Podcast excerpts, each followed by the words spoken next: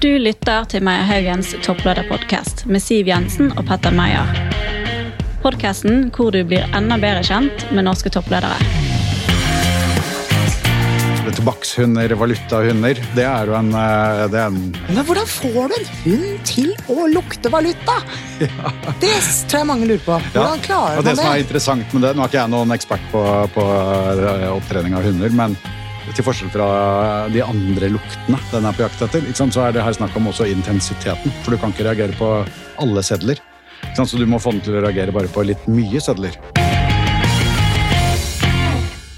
Mitt navn er Petter Meyer, og jeg er managing partner i rekrutteringsselskapet Meierhaugen. Og jeg har da topplederpodkast sammen da med Siv Jensen.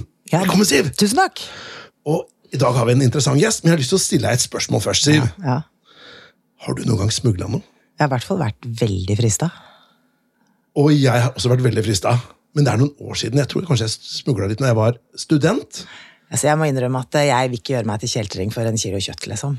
Det, eller en flaske vin, eller noe sånt. Eller 100 tonn narko. Ja, Det vil ikke gjøre oss til kjeltring for. Nei, det vil vi heller Og, ikke. og hvorfor prater vi om dette her i dag? Jo, fordi vår gjest i dag er ingen ringere enn tolldirektør Øystein Børmer. Velkommen til deg. Tusen takk. Veldig hyggelig å være her. Får du det spørsmålet ofte noen ganger at folk er litt redd når, når du kommer? Skal ikke legge skjul på at uh, i, i selskapslivet uh, så har samtalen uh, den, den går fort i retning av toll og smugling, for å si det sånn. Ja. Hvorfor er det sånn, da? Er folk litt redd for etaten din? Det håper jeg ikke, men jeg tror jo vi, vi jobber med et område som alle har et forhold til. Eh, og om ikke annet så har alle, eh, enten de har eh, dårlig samvittighet eller ikke, liksom kjent litt på det å gå forbi en toller på grønn sone, som vi sier, på Gardermoen eller på, på Svinesund. Så, så alle har et forhold til oss. Og det kom, blir veldig tydelig når vi som jobber i tolletaten snakker med andre på privaten. Men du, det som nesten er litt, oppleves som litt skummelt, er hvis du kommer av et fly, og så står eh, liksom en sånn gjeng med tollere og bikkjer rett utenfor eh, liksom flydøren. Da tenker til og med jeg, som aldri gjør noe gærent, at å, herregud, er det meg de skal ta, liksom? Den er, den er, det er en litt sånn Hvorfor gjør dere det? Skal ikke gå dypt inn i på måte, metodebruken, men, men uh, det er én måte å gjennomføre kontroller på. Uh, det vil si da før du selv uh, gjennomfører den deklarasjonshandlingen der å velge rødt eller grønt, når du går, for det kommer jo litt senere på flyplasser. Så det kan jo være ut fra en, en risikovurdering hvor man finner ut at det er mest hensiktsmessig å ta det tidligere i prosessen. Ja. Dette skal vi prate mer om, men vi har, eh, vi har også et sekundært tema for denne topplederpodkasten, Siv. Og det er jo da modernisering av offentlig sektor, og det kan du litt om. Ja, jeg drev mye med modernisering av offentlig sektor. Faktisk også ganske mye modernisering av tolletaten da jeg var finansminister. Eh, Så dette skal vi snakke om, men ikke minst fordi det er noe av det viktigste eh, hele offentlig sektor må gjøre nå. Fordi man må bruke penga, skattebetalernes penger litt smartere. Eh, Og da må jo også tolletaten gjennomføre gode moderniseringsgrep. Ikke sant, Øystein? Det er helt riktig. Og det vil jeg bare liksom pitche inn her, det, og det har vi jaggu meg gjort. Det gleder vi oss til å høre mer om. For du har jo en lang og bred erfaring fra eh, offentlig sektor. Direktør i DFØ, du har vært i Du, Finansdepartementet. hva er DFØ? Ja, ja, jeg kan jo si hva jeg tror, men du har vært sjefen der. Kan ikke du fortelle litt om det, da? Da jeg eh, var direktør der, så sto det for eh, Direktoratet for økonomistyring. Og så har det skjedd noen endringer etterpå, så i dag så står bokstavene, de samme tre bokstavene for Direktoratet for forvaltning og økonomistyring. Så litt endret eh, mandat. Men eh, det, på min tid så var det statens ekspertorgan på, for styring. eh, Og også en av Norges største leverandører av økonomitjenester da, i, i staten, med lønn- og regnskapstjenester. Så dette med å prate om modernisering av offentlig sektor, når vi både har Siv og deg her, det må være bra. Ja, dette må bli knallbra. Og jeg har jobbet i offentlig sektor i veldig mange år, så å, det gleder meg. Men vi har lyst til å ha noen fun fact om deg. da. Hva, hva skulle det vært? Noe som folk ikke vet om deg. Jeg, det er mange, eh, og det er mange av dem som ikke bør nevnes eh, i, i offentligheten. Men eh, jeg kan nevne ett fun fact, og det er at jeg har sett samtlige sesonger av The Walking Dead. Oi. Oi, oi. Så det er favoritten din. Det, ja, dette endres jo over tid. Det fins ikke én TV-serie. Det er bra at det fins mange forskjellige, men det, det, er, det tror jeg ingen hadde trodd om meg. Nei, ikke sant? Eh, vi er også på jakt etter å vite litt om hvem er du på utsiden av, av jobben. Så hvis vi hadde truffet deg i en sosial sammenheng, da, og jeg hadde spurt sånn, hva får hjertet ditt ordentlig til å bruse og banke, og hva er det du gjør når du ikke er på jobb? Og da er det vel litt feil å svare jobben. Uh, så nei um, jeg, jeg, er sånn, eh, jeg er ikke en sånn person som har liksom én interesse. Jeg, jeg setter mer eh, pris på variasjonen. Enten det er en en god bok eller en god TV-serie eller en dårlig TV-serie. Vi kan da lytterne avgjøre hva jeg akkurat snakket om. Så, variasjon Uh, er viktig. Og det å snakke med folk gir meg stor glede. Samtidig som jeg også må ha litt tid for meg sjæl. Bra. Ok. Da tenker jeg vi skal ha vi kaller tre kjappe, og da skal vi bare stille deg noen spørsmål, og skal du svare helt på slutten. Og dere som lytter, kan også tenke på ok, hva hadde jeg svart hvis jeg var i mine egne eller Øystein sine sko. Så første spørsmål er hva gjør du for å hente inspirasjon, både faglig og personlig? Nummer to er eh, Hvis du hadde møtt eh, Vladimir Putin nå, da, hva hadde du sagt ham? Eh, og tredje er eh, Nå har du jo sagt litt om TV-serier allerede, men eh, hva er favorittserien din, da? Utenom Walking Dead, da. Kanskje vi kan si det, da. Så eh, bra. Vi tenkte vi skulle begynne litt om tolletaten, Siv. Ja. Tolletaten er jo en stor etat. Um, og du er sjef for den. Men si litt om um, bredden i det arbeidet som tolletaten har ansvar for? Ja, vi har, vi har et samfunnsoppdrag eh, som egentlig dekker eh, det veldig godt. Det er, altså vår Tolletatens eh, samfunnsoppdrag er å sikre etterlevelse av eh, lover og regler ved grensekryssende vareførsel. Import og eksport. Det betyr at eh, vi, alt vi jobber med, har en ende i et annet land. Så vi jobber øh, mye internasjonalt. Det deltar i handelsforhandlinger for å håndtere på en måte, prosedyre og, og, og tollspørsmål. Eh, eh, vi eh, deltar i ulike internasjonale organisasjoner. Vi har liaisonapparat ute i verden. Vi sitter i Europol-desken sammen med politiet. Vi har liaison i Brussel. Så vi har en internasjonal dimensjon. Og så er, jo, er vi en stor IT-virksomhet i år så har vi et IT-budsjett på størrelsesorden 450 millioner kroner. Mm. Så er en, det, er en, det, er en, stor IT-virksomhet. Det er det kanskje ikke så mange som ser på tolletaten som. Eh, så har vi selvfølgelig et stort juridisk miljø eh, som jobber på ulike områder. Eh, vi jobber med næringslivet og utvikler også prosesser og prosedyrer for å flytte varer over grenser sammen med næringslivet. Vi holder på med et stort utviklingsprosjekt nå hvor det er viktig. Og så har vi selvfølgelig det alle forbinder med oss, eh, den, kontroll, den kontrollerende delen. Eh, uniformerte tollere, som er det kanskje folk flest eh, tenker på når de hører tolletaten. Den som de går forbi når de med god samvittighet går forbi på grønn sone. Det er kanskje ikke alle som tenker over det, hvor avhengig næringslivet er at de har et godt og fruktbart samarbeid med dere for at varer rett og slett skal komme frem til, ja, til butikken. Um, hvor mange endringer føler du at dere har gjort for å få det, det arbeidet til å gå smidigere og raskere i liksom, Vi lever i teknologiens tidsalder. Alt går så kjempefort. Da må jo også tolletaten endre seg. Hvor mye endringer har dere gjort? Kan du bare ta ett skritt tilbake. Altså, I et normalår, altså typisk uh, inneværende år, da, uh, så går det varer for 2200 milliarder kroner inn og ut av landet. 2200 milliarder? Ja, så det er enorme varestrømmer. Og vår jobb er da å sørge for at det ikke er noen lovbrudd i de varestrømmene. og det er, Dette er store verdier og store insentiver økonomisk til å prøve å sno seg unna noe.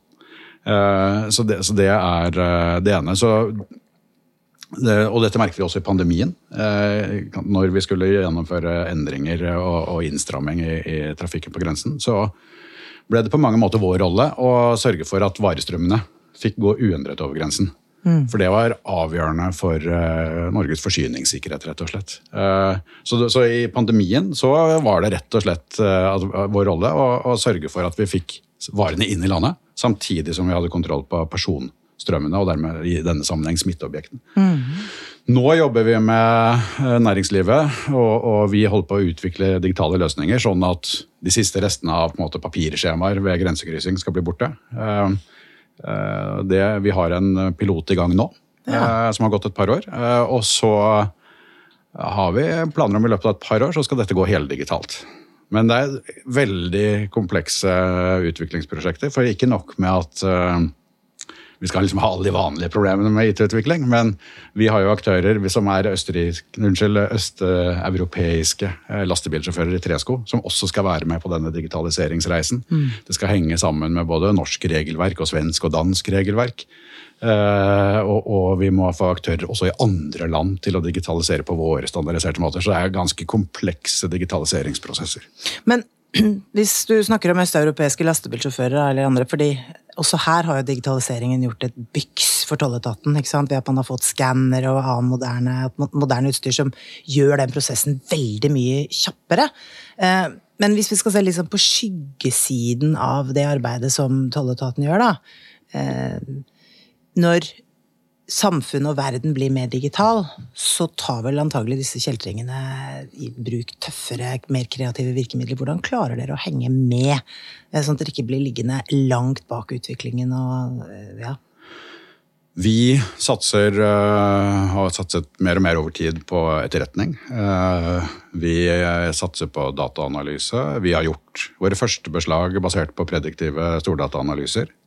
Eh, så det er en måte. Og så er det som du er inne på, mer på kontrollteknologisiden. Ulike former for skannere. Eh, teknologisk utstyr som, som, gjør kontrollen eh, enklere å gjennomføre. Det, å tømme en container som er med litt variert gods, kan ta et vaktlag flere dager. Mm. Og så Særlig når du da skal putte det inn igjen etterpå. For det er pakket av spesialisert, så det hender at vi ikke klarer det. Og da må vi, vi leie inn en ekstra lastebil, for vi klarer ikke pakke containeren sånn som den kom før vi begynte å tømme den. Uh, så, nei, så det, er, det, er, veldig mange fasetter av det. Um, men uh, digitalisering er uh, en, en, viktig del av det vi satser på i tolletaten. Samtidig som vi aldri kommer unna at for vår del så er det til syvende og sist en fysisk kontrollhandling. Det må munne ut i. Uh, det er varer eh, som kan være gjemt bort. Eller alt vi har av digital informasjon kan vise seg å være feil i forhold til det varen faktisk er. Så vi har et behov for å sørge opprettholde balansen mellom måte, digitalisering og etterretning og en fysisk kontrollevne spredd utover hele landet, 24-7, mm. som alltid må være der. Mm. Da fikk vi godt innblikk i sånn, hvert fall Ja, det vil jeg si. det vil jeg si. jeg tenkte, Skal vi prate litt om dette med modernisering? Vi har jo vært litt innpå det, men så Jeg har jobba i offentlig sektor i mange år, og det har jo selvfølgelig begge dere to også gjort. Men hvorfor må man modernisere offentlig sektor? For man bruker det som en. Hvorfor må vi det egentlig? Ja, det er jo uh, på en måte veldig enkelt. Uh, det, er, det, er, for å få mest mulig for penga. Uh, og for å få et best mulig samfunn i, i, stort.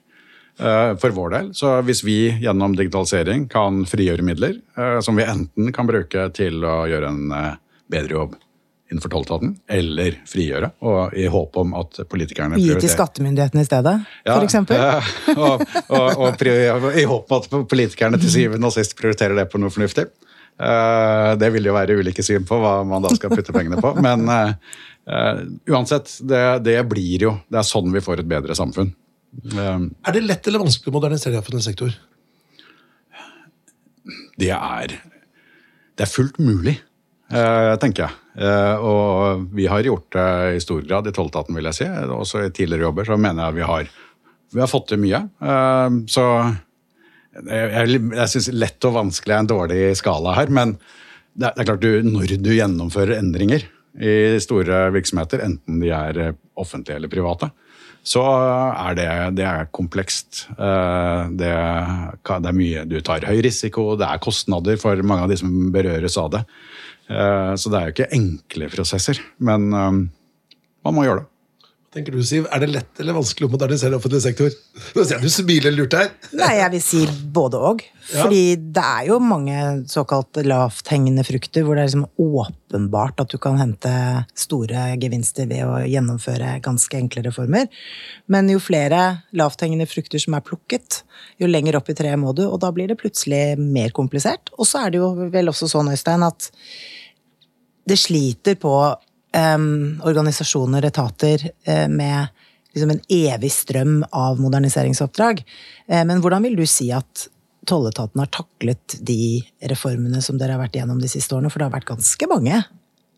Det har vært mange. Um, Alt fra å overføre store deler av eh, oppgaveporteføljen, avgiftsområdet, til skatteetaten. Før så het jo toll- og avgiftsetaten, nå er det bare tolletaten.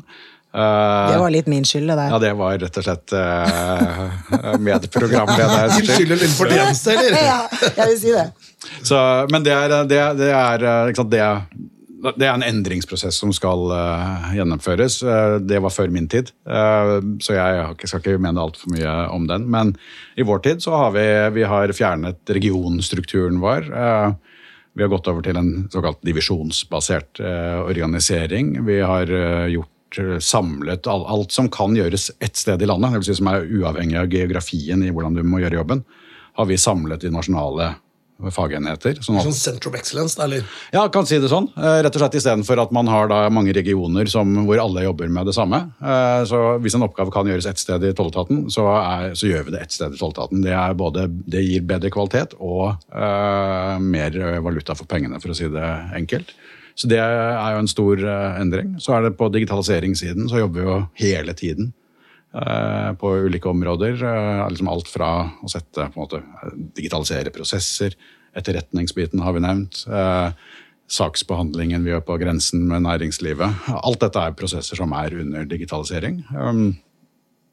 Sånn fortsetter det. Så har vi også gjort mye endringer internt. Uh, innenfor sånn at Vi oppdaget at det var en del områder vi lå etter på når det gjaldt altså styring og kontroll. og uh, Personvern, informasjonssikkerhet. Det er en del områder som vokser fram eh, i en virksomhet som man må sette mer og mer eh, ressurser på som virksomhetsleder. eh, Fordi tidene endrer seg, eh, og, og kravene på ulike områder endrer seg også. og Da må man henge med på det òg. Men du, hvor, hvor trygt er det egentlig å være toller? Altså em, Opplever tollere mye ubehag fra illsinte folk som blir stoppet i kontroll eller tatt for smugling, eller hva det er? Det er klart, eh, Den delen av virksomheten vår er potensielt konfliktfylt. Eh, Alle som jobber i kontrollen, er jo eh, både trent og utrustet i, i konflikthåndtering og arrestasjonsteknikk. Gå med vernevest, pepperspray. Så det er en del av basisutrustningen eh, for en stor del av ansatte i, i tolletaten. Eh, Og det skjer av og til. Eh, Det skjer ikke veldig ofte, men det er, liksom, det er ikke ukjent at det blir konfliktsituasjoner. Men jeg har lyst til å trekke fram det som er på en måte noe av tollkulturen, som jeg er veldig stolt av. Det er nettopp at vi er veldig flinke. De er veldig flinke der ute på grensen til å holde situasjonen på et veldig lavt konfliktnivå. Eh, Det kan også se på den TV-serien. Det er ikke uvanlig at vi liksom etter at eh, kontrollen er gjennomført og vi har tatt dem for smugling, så avsluttes det med et håndtrykk når de føres bort av politiet. Eh, Og Det er et uttrykk for en tilnærming til på en måte, å holde, holde konfliktnivået nede, som er veldig viktig for oss. Også fordi vi er rundt om i landet, ofte veldig på øde grenseoverganger, med langt til støtte fra politiet og andre. Da er det, da er det en, rett og slett en dyd av nødvendighet å klare å holde situasjonen deeskalert. Så det, det er jeg stolt av. Men politimyndighet har dere ikke?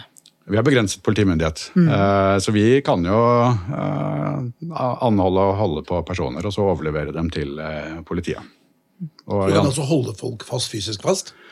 det kommer litt an på situasjonen, eh, men Jeg er spent. Så ok, la til et case her. Altså, hvis man da blir stoppet på en eller annen grenseovergang, og du mistenker at man har litt for mye, og så sier jeg ja, nei, men du får ikke se i bilen min, eller noe, du, du får ikke se bagen min, og jeg, skal, jeg kjører videre nå. Hva gjør du da? Eller ikke du, da, men hva gjør dine kollegaer da? det, er- jeg, jeg, har ikke, så, jeg har ikke veldig lyst til å gå dypt inn i det, eh, for det vil være litt ulike svar på det, avhengig av, eh, av situasjonen. Men uh, som et utgangspunkt så vil jo vi da holde på det til politiet kommer. Men du, nå lever vi jo veldig urolige tider. Det skjer mye på en store liksom, Vi hører om Storskog, og vi hører om eh, Svalbard, og det er mye oppmerksomhet rundt disse tingene. Eh, hvordan påvirkes tolletaten av eh, eh, krigen i Ukraina og alle de urolighetene som vi nå er vitne til?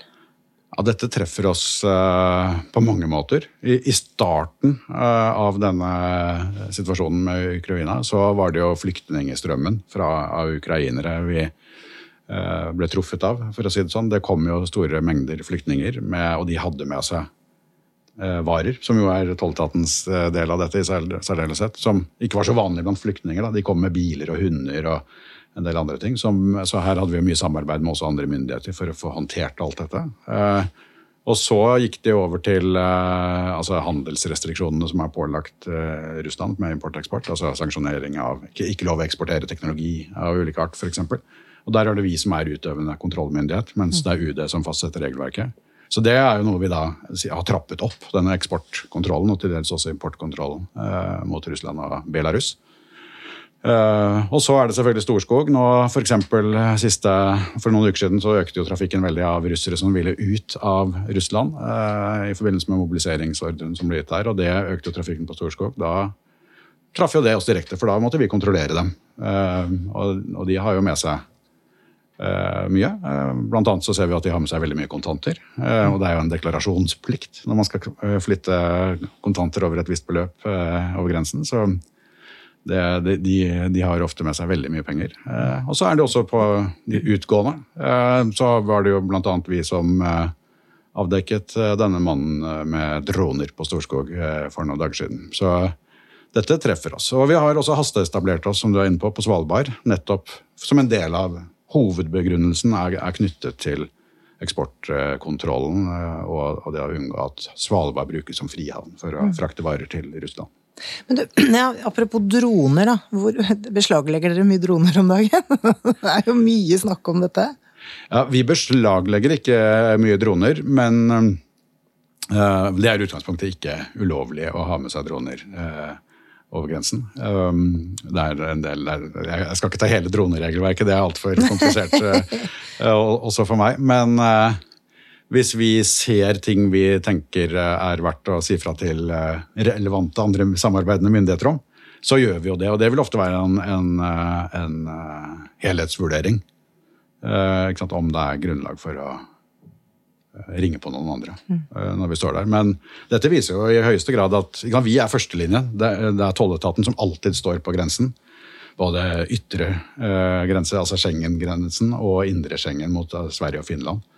Eh, så vi er der alltid. Eh, og så vil det avhengig av situasjonen være sånn at andre myndigheter, f.eks. politiet, kommer når, eh, når, det strammer seg til. Men tolletaten er den etaten som alltid står på grensen og kontrollerer. Men Petter, nå hører vi jo en tolldirektør som har utrolig mange jern i ilden. Det er jo kompleks ledelse han driver med.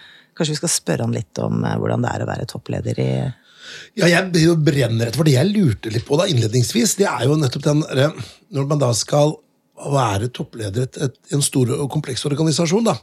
Eh, så hvis man da Standardspørsmålet tror du, Nå har du vært eh, leder flere steder. Tror du man kan være toppleder for hva som helst? Eller bør man ha et, i hvert fall et minimum av fagkunnskap om det området man leder? Eh, eller finnes det et tredje svar? Ja, gjerne det. det jeg, jeg, jeg, tror ikke man kan være leder for hva som helst. Uh, man må ha på en måte en eller annen grunn til at man gikk inn i den organisasjonen og ble toppleder. Men den grunnen behøver ikke å være at du kjenner den virksomheten veldig godt. Hvis du tar meg som ek eksempel, så kan du si at jeg jeg har riktignok jobbet med tolv spørsmål både i Finansdepartementet og på Stortinget og litt sånn tidligere. Men det var nok ikke min tollkompetanse som gjorde at jeg fikk jobben som tolldirektør, men jeg, hadde erfaring i omstilling av offentlig virksomhet. Eh, og jeg kjenner ganske godt til tolletatens eh, nivå over tolletaten, som er Finansdepartementet.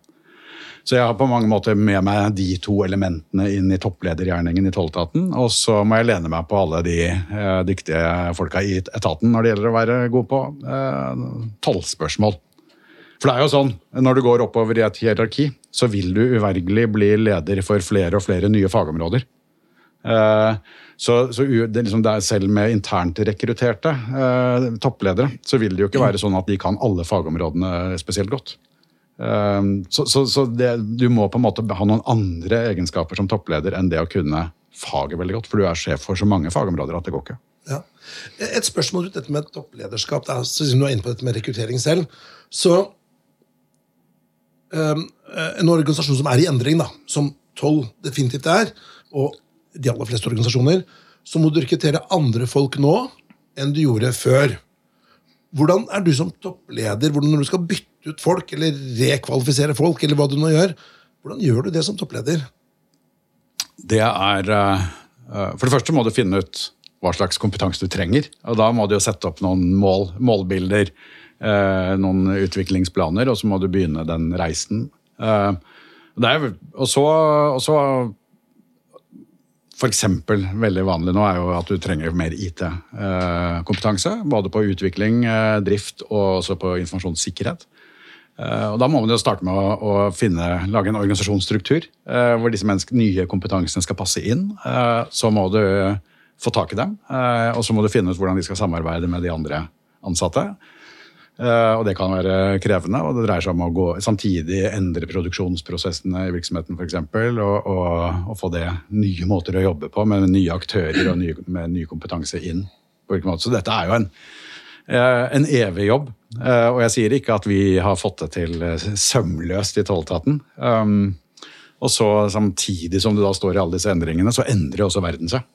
Så dukker det opp nye ting. sånn at dette er jo en, en evig prosess med å justere prosesser, få inn nye kompetanser, eh, få, få, prøve å få det til å virke. Eh, og samtidig sørge for at organisasjonsstrukturen passer til den virksomheten du både er blitt i dag og skal være om fem eller ti år. Men du, nå ble jeg veldig nysgjerrig på en ting. Fordi um, offentlig sektor har jo liksom fått beskjed om at de ikke skal være lønnsleder. Og så skal dere fra tid til annen rekruttere kompetanse i knallhard konkurranse med et privat næringsliv som kanskje kan betale mange ganger mer enn det dere kan. Hvordan i alle dager løser dere det dilemmaet der?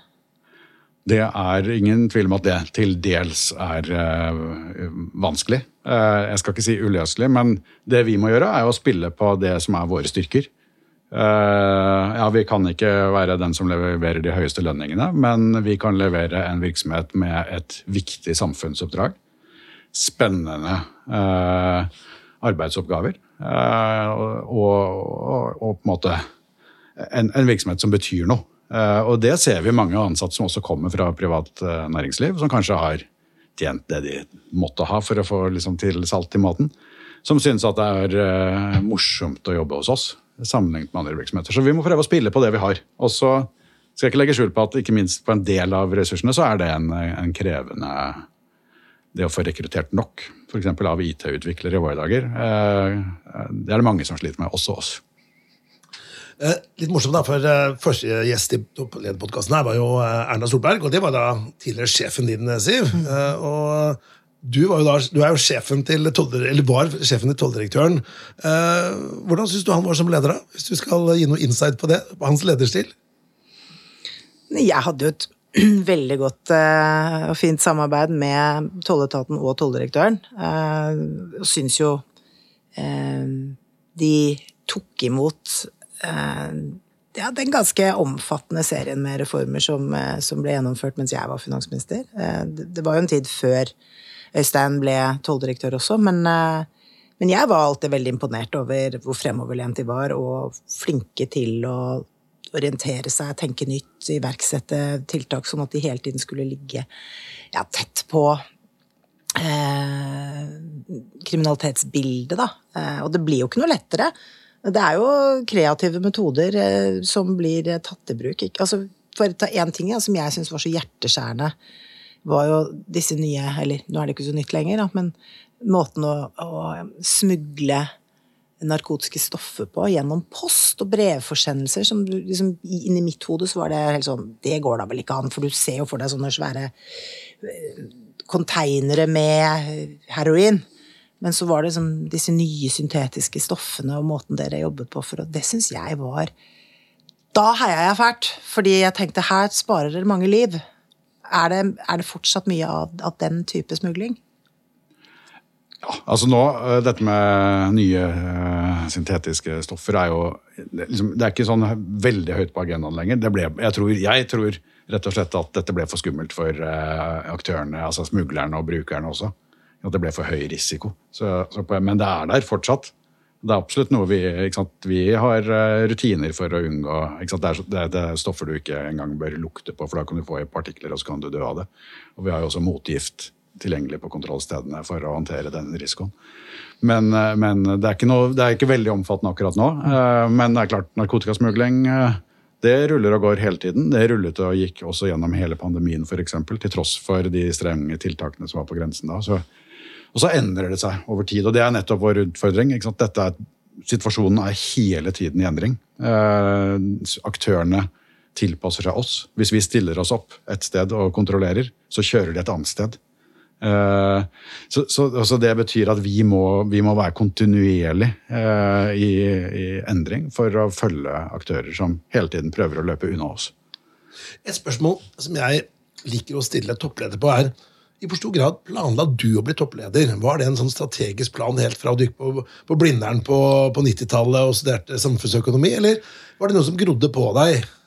Det vil jeg si grodde på meg. Det, det, min, min første lederrolle jeg var som russeformann på Lambertseter videregående skole. of course.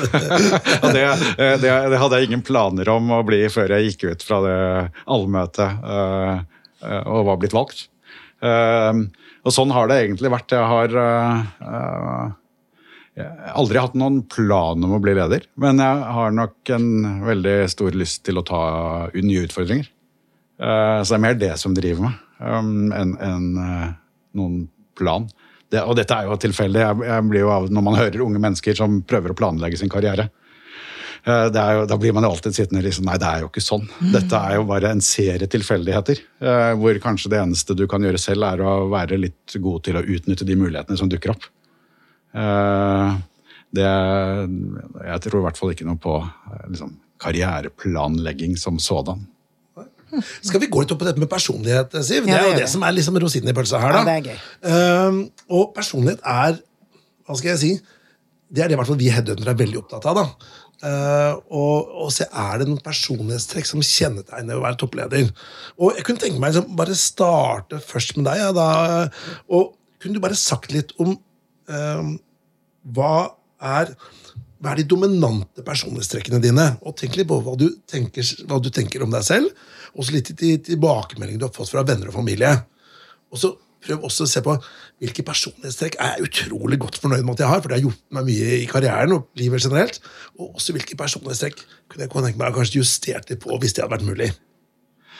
Det var et ganske stort og åpent spørsmål. Ja da, Det er sånn vi gjør det her, skjønner du. Uh, nei, jeg tror Jeg er, uh, jeg er uh, analytisk.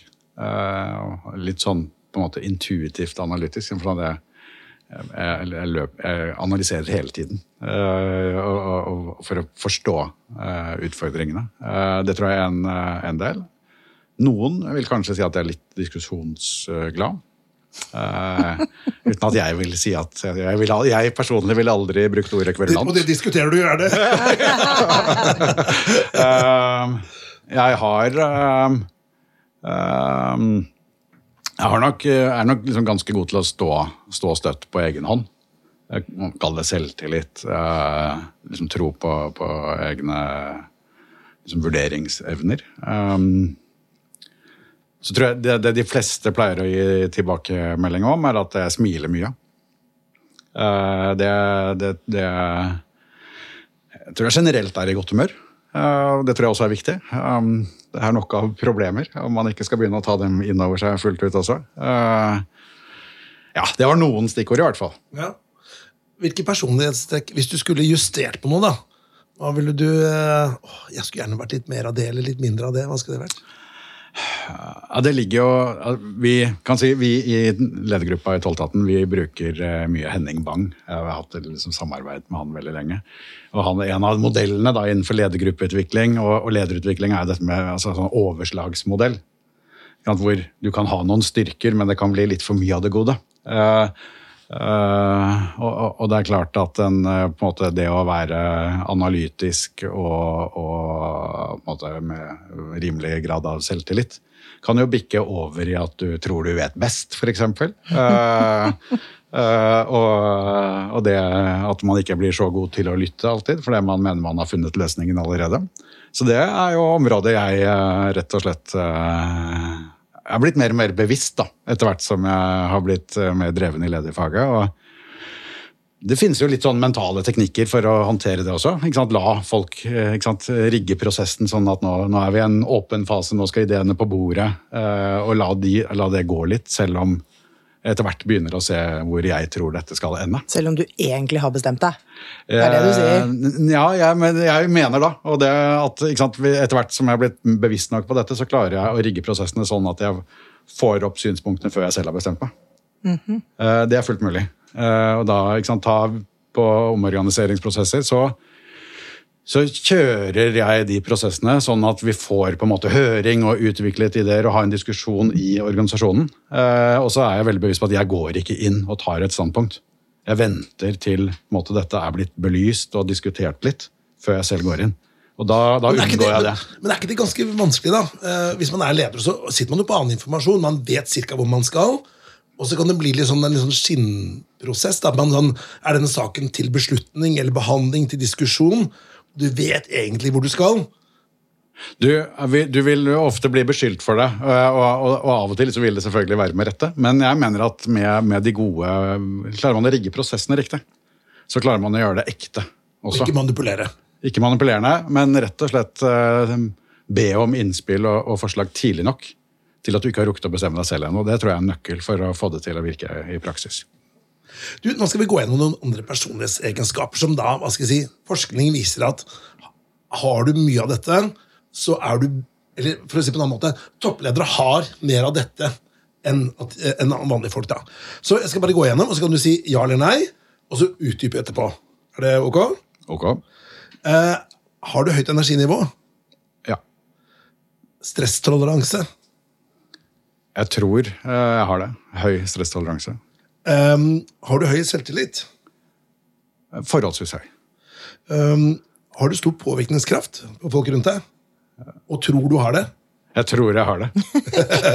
Er du resultatfokusert? Ja. Overbevisende? Ja. Hensynsfull? Ganske. Det er bedre å være det enn hensynsløs. Ja. Det vil jeg si. Besluttsom? Eh, ja. Eh, optimistisk? Ja. Bra. Var det noen av disse du stussa på kanskje men, er Var det noen av disse du syns ikke var relevant i forhold til å være toppleder? Nei.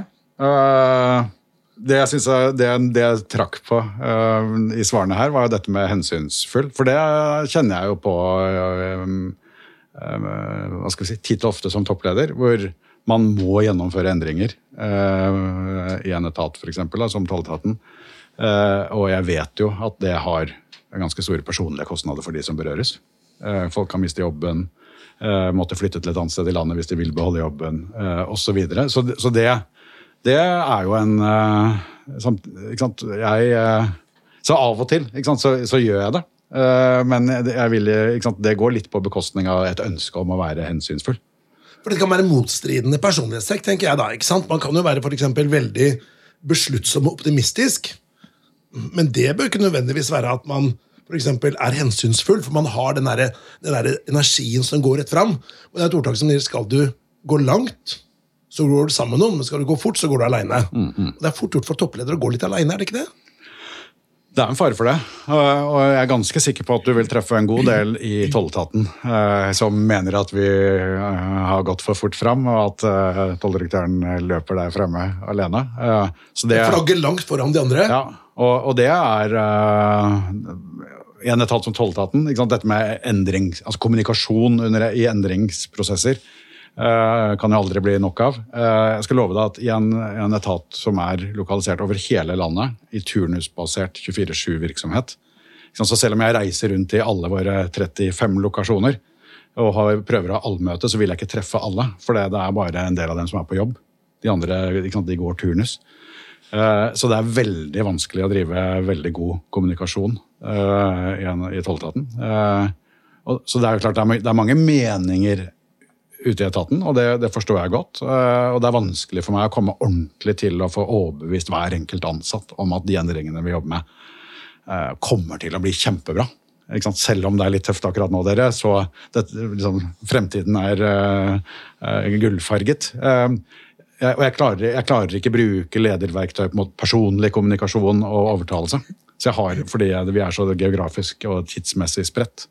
Så, så det er en utfordring, eh, rett og slett. eh, som jeg egentlig bare må, jeg tror jeg må leve med. Vi prøver selvfølgelig alt vi kan og tester ut nye virkemidler for å styrke kommunikasjonen. Men sammenlignet med det å være leder hvor alle ansatte sitter i samme bygg, da, så, så, så mangler jeg liksom den høyre armen det er å kunne snakke med folk og fortelle dem hvorfor vi trenger å gjøre disse endringene. Siv, nå har du et par spørsmål du har lyst til å Ja, stille. Ja, Opptil flere, faktisk. Men Ja. jeg skal, skal starte i forlengelsen av, av det Øystein nettopp sa. Fordi eh, siden du sier at du mangler høyrearmen litt, um, hvor lett er det for deg? For du er jo øverste sjef i tolletaten, men så har du mange andre sjefer òg. Skylder du litt ofte på politikerne, eller? Når etaten din blir irritert og du har tatt en beslutning, sier du at det er ikke egentlig min beslutning, det var Trygve Slagsvold Vedum. Jeg kommer ikke på i farten at jeg noen gang har gjort det. Ehm, vi er jo, vi har, jeg oppfatter at vi har uh, vide fullmakter fra våre overordnede. Og at eh, veldig mye ligger på meg, rett og slett, og, og vi i etatsledelsen. Så, så sammenlignet med en del andre virksomheter så er vi nok også mindre detaljstyrt, rett og slett. Og dermed så ligger jo da mer hos oss. Så eh, Nei, det tror jeg er sjelden. Bortsett fra at eh, når, når eh, ansatte mener at vi burde hatt mer penger, da kommer jeg ikke unna at jeg må skylde på de som bevilger pengene til oss. Men det er jo egentlig en riktig skyld òg, da. Fordi det er jo politikerne som bestemmer Det dette. Si litt mer om det, da. For at, igjen, du er sjef for en stor etat for veldig mange medarbeidere, men så har du jo egentlig flere sjefer over deg igjen. Du har finansministeren og Finansdepartementet og regjeringen. Regjeringen kan jo finne på å ta noen beslutninger som påvirker hele organisasjonen din ganske fort. Og så har du Stortinget, som kanskje er den øverste sjefen, da, i hvert fall vil de jo helst være det. Hvor vanskelig er det egentlig å være sjef, men ha andre sjefer allikevel? På en måte så er det, Sånn er det i alle organisasjoner. Man har noen høyere opp med et bredere eh, oppdrag enn en selv. Og så må, må man ha forståelse for at de må gjøre noen valg og prioriteringer som ikke nødvendigvis gagner vår del av eh, virksomheten. Det vi eh, nok opplever eh, i, i tolletaten, er jo at det er veldig få som virkelig forstår helheten i vårt samfunnsoppdrag, hvilken rolle vi har i et samfunn. Eh, Så vi, eh, det vi kan gjøre med det, er jo å, å jobbe med å kommunisere det bedre. Eh, Vi har jo etablert en TV-serie for eksempel, eh, som, har en, eh, sant, som har det som sin bakgrunn. Nettopp at vi ønsker å fortelle det norske samfunnet litt mer om hva slags etat vi er. Der får vi vist frem en viktig del av den. Ikke helheten, men det er bedre å få vist frem noe enn ingenting. Og så jobber vi også litt systematisk og bevisst i andre kanaler, nettopp for å fortelle samfunnet litt mer om hva slags etat tolletaten er. Det er jo sånn, Dette er en helt grunnleggende samfunnsfunksjon. Alle land må ha en tolletat. Det finnes mange land som ikke har et forsvar. Eh, Men du finner ingen land som ikke har en tolletat. Så det er liksom en av de helt grunnleggende samfunnsfunksjonene. Og vi har en historikk som går tilbake til norrøn tid. Så av og til så får jeg kanskje litt følelse av at måte, hele samfunnet rundt oss har, har Man er bare vant til at det fins en tolletat, og så tenker man ikke noe mer over det. Så noe av min jobb kommunikasjonsmessig er nettopp å, å formidle mer av både bredde og dybde av hva taten er, for å skape da Sørge for at de over oss, eh, enten det er departement eller eh, storting, regjering, eh, at de i hvert fall liksom kjenner til helheten i samfunnsoppdraget vårt. Da, Før de nedprioriterer eller opprioriterer eller gjør endringer som påvirker oss. Du får jo dette høres så innmari fint ut, ikke sant? Og jeg er enig, det er et grunnleggende samfunnsoppdrag, men hvis du gjør en skikkelig blunder, da, enten det, ikke sant, hvor redd er du egentlig for å havne i den beryktede Stortingets kontroll- og konstitusjonskomité? Det, er- nå har jeg faktisk vært der. Men det var ikke som ikke. Men det var en annen sak. Det var da jeg jobbet i DFØ, og det var i og for seg ikke som eh, Jeg ble ikke grillet så veldig der, det var en litt annen rolle. Men eh, nei, jeg det, altså, Når man er toppleder, eh, så må man akseptere eh, at det er en risiko eh, knyttet til det å være den, den toppleder for den delen man har ansvar for. Det kan gå galt. Og det kan, det kan slå ut på, på ulike måter. Vi har på en måte fått for overtredelsesgebyr fra Datatilsynet og litt har vært i tolletaten, vi også, så det er ikke helt kontrollkomité, men allikevel. Den, man, må, man må leve med at det er en restrisiko for det, og så må man bare gjøre det man kan da, for at man eh, står støtt til de beslutningene man fatter, eh, og at man har gjort det riktige. Eh, jeg kan nevne, jeg, var, jeg har en, også en fortid som statssekretær i Finansdepartementet. Eh, Da husker jeg var liksom sånn startkurs med en tidligere departementsråd. Som er klart at hun, hun delte politikerne inn i to grupper. Det var de som hadde vært på høring i kontrollkomiteen, og så var det de som ennå ikke hadde vært det. Ja. Det er som båtfører. Så har du gått på grunn, eller så kommer du til å gå på grunn. Og det er, eh, for det, det er klart at Når du først har vært gjennom eh, disse erfaringene, så gjør det noe med hvordan du er leder også. Eh, og, og, så det, og det jeg, jeg tror jo at vi har vært i tolletaten for eksempel, har vært gjennom såpass at vi har lært en god del om eh, hvordan, ikke sant, hva samfunnet forventer da, av, tiltak og, og, og kontroll. Eh, for det, det er en sånn, det oppdager du når det plutselig settes søkelys på. Eh, og, og du blir liksom eh, Alt blir endevendt om du har gjort ting riktig og gjort de rette beslutningene osv. Eh, og når du har vært gjennom det en gang, så gjør det noe med deg som leder. Og så blir du enda litt mer bevisst liksom på hele tiden, hver gang du beslutter. Ta den lille ekstrasjekken da, på om dette er noe du kan stå for i kontrollkomiteen. Men du, jeg lurer på én ting til. For du sa tidligere i denne samtalen at eh, tolletaten har begrenset politimyndighet. Men er det ikke innerst inne sånn at dere egentlig har lyst til å være politi? Jeg tror ikke det. Eh, jeg skjønner hvorfor du spør. For vi har jo til og med et eh, uniformssamarbeid med politiet, så vi har jo helt like uniformer. Med noen få detaljer unntak. Eh, måten jeg ser på forskjellen på, er jo at politiet har rutete refleks på buksebena. Mens vi har hel refleks. Det er liksom tipset for å se forskjell på politi og en toller.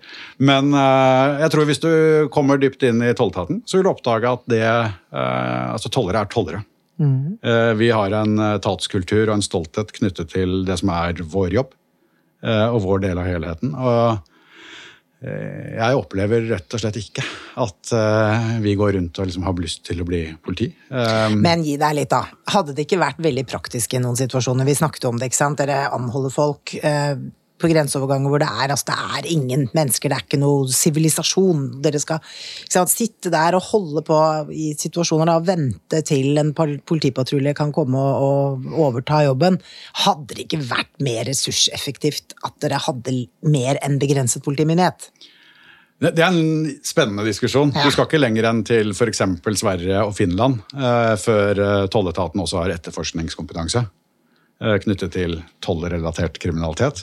Så vi kan gjerne ta den uh, diskusjonen, tidligere finansminister Jensen. Uh, men eh, det er, ikke, det er egentlig ikke for å bli politi, men det er for å, for å Hvis man skulle ta den diskusjonen, så er det fordi det er mer effektivt. Uh, å, å utnytte vår spisskompetanse innenfor også smuglingsmetodikk og den type ting. Mm.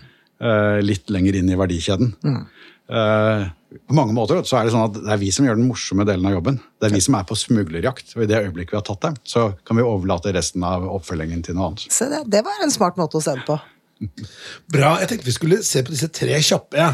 Eh, og eh, spørsmålet var da eh, hvilken Hvor går det for å få inspirasjon, både faglig og personlig? Hvilke kilder bruker du da? Helt åpenbare svaret er at det, det er ved å snakke med folk. Det er det, det er det jeg får inspirasjon av. Eh, jeg er ikke så Jeg har, jeg har liksom prøvd meg på en del sånne ledelseslitteraturbøker og sånn, men det, det, jeg klarer aldri å lese dem ferdig. Uh, og jeg leser egentlig ganske mye, men eh, når det gjelder det, så, så det syns jeg stort sett ikke er så interessant. Så det å snakke med folk, det er det jeg henter inspirasjon av. Enkelt og greit. Bra, og Det er nok et godt tips eh, til mange ledere der ute. Prat med folk, både internt og eksternt. Eh, nummer to eh, Hvis du hadde møtt eh, Putin da, i en tollkontroll, han hadde med seg litt for mye nøtfærs over eh, russergrensa ved Storskog, hva hadde du sagt til ham da? Slutt, hadde jeg sagt da. Slutt. Um, Med, med nøtfærs eller krigen i Ukraina? Ja, Eller, primært eh, det siste. Um, så det, nei, det er jo et enkelt budskap til han, og det er at dette må han slutte med snarest. dere ser vel mye av den lidelsen, personifiserte lidelsen av flyktninger som kommer over grensen? Ja. Folk som er redde og Både først ukrainere og nå også russere som rømmer eget land. Det er jo Det er helt forferdelig. ja, Virkelig. Det er jo til ettertanke. Eh, samtidig- millioner av skjebner. Ja. Det kunne vært en egen podkast, men det får vi bli en annen gang, eh, Siv. Eh, TV-serier og tips rundt det. Nå har du akkurat pratet om Walking Dead, men har du andre serier som du Ja, synes er jeg kommer jo ikke unna Tollserien, selvfølgelig, som jeg anbefaler alle. Ja. Den må de se. Og den se. er jo veldig bra også. Den Den er bra. er skikkelig bra. Ja, så den, eh, den, eh, alle som lytter til denne podkasten, bør eh, straks dra hjem og se på den. Hvor ser man den hen? Man ser den i TV2-universet, Ja. Så der får man oppsøke Det går litt både på liksom, ordinære kanaler som lineær-TV, og så er den jo tilgjengelig Sikkert Sikkert Viaplay eller et eller ja, annet sånt. er, eller på TV2 Sumo, tror jeg TV2 det heter. Okay. ja, ja. Eller hva den het nå. Så alle vi som er så glad i hunder, ikke sant? ser jo alle disse fantastiske hundene dere har, som er trent opp til å gjøre ganske utrolige ting. Ja. Hvor mange ferdigheter er det disse bikkjene har? Ja, og det er jo forskjellige typer hunder også. Alt fra narkotikahunder, tobakkshunder, valutahunder. Eh, Så det er jo en, eh, det er en egen... Men hvordan får du en hund til å lukte valuta? Det tror jeg mange lurer på. Hvordan klarer man det Det som er interessant med det, Nå er ikke jeg noen ekspert på, på eh, opptrening av hunder, men til forskjell fra de andre luktene den er på jakt etter, så er det her snakk om også intensiteten. For du kan ikke reagere på alle sedler. Så du må få den til å reagere bare på litt mye sedler. Eh, så det er jo, altså Valutahundtreningen har den ekstra dimensjonen at du må lære den å skille. Det er ikke, holder ikke bare for ferten av en lukt, du må være litt mye av den. Kanskje jeg skal trene bikkja mi til å bli sånn valutahund? Ja, Det er Så kan jeg låne den ut til dere? en ny sesong i denne Ja. eh, TV-serien. Ja. Sniffe fram noe mer avgifter, tenker jeg. ok, Jeg tenkte vi skulle gå inn for eh, landing her. Utrolig spennende å ha deg her, Øystein. Vi kunne prata hele dagen om den viktige jobben dere gjør i tolletaten, og det store, viktige samfunnsoppdraget. Men fikk vi svar på det vi lurte på, Siv, rundt dette med modernisering og utvikling av offentlig sektor? Ja. Jeg må si at For det første så syns jeg vi fikk et veldig godt innblikk i denne store tolletaten. Um, hvor kompleks eh, struktur de egentlig har å forholde seg til. Som jeg tror vanlige folk ikke tenker over i hverdagen i det hele tatt. Men vi er helt avhengig av at denne etaten fungerer eh, så bra som den gjør. Og så vet jo jeg at tolletaten har vært gjennom masse modernisering. Men tror jeg at det er slutt med det? Nei, det tror jeg ikke. Og med disse kloke ord fra Siv Jensen så ønsker jeg deg i hvert fall lykke til videre med den viktige jobben. Og anbefaler deg å se på eh, 12, er det 12 serien heter? Den heter Toll. Ja, Så da avslutter jeg med å si tusen takk for at jeg fikk lov til å komme hit. bare hyggelig. Du har lyttet til rekrutteringsselskapet Maja Haugens topplederpodkast. Vi produserer også Rekrutteringsrådet og Jobbsøker. Du finner oss der du lytter til podkast. Har du forslag til gjester, gå inn på vår Facebook-side Maja Haugen.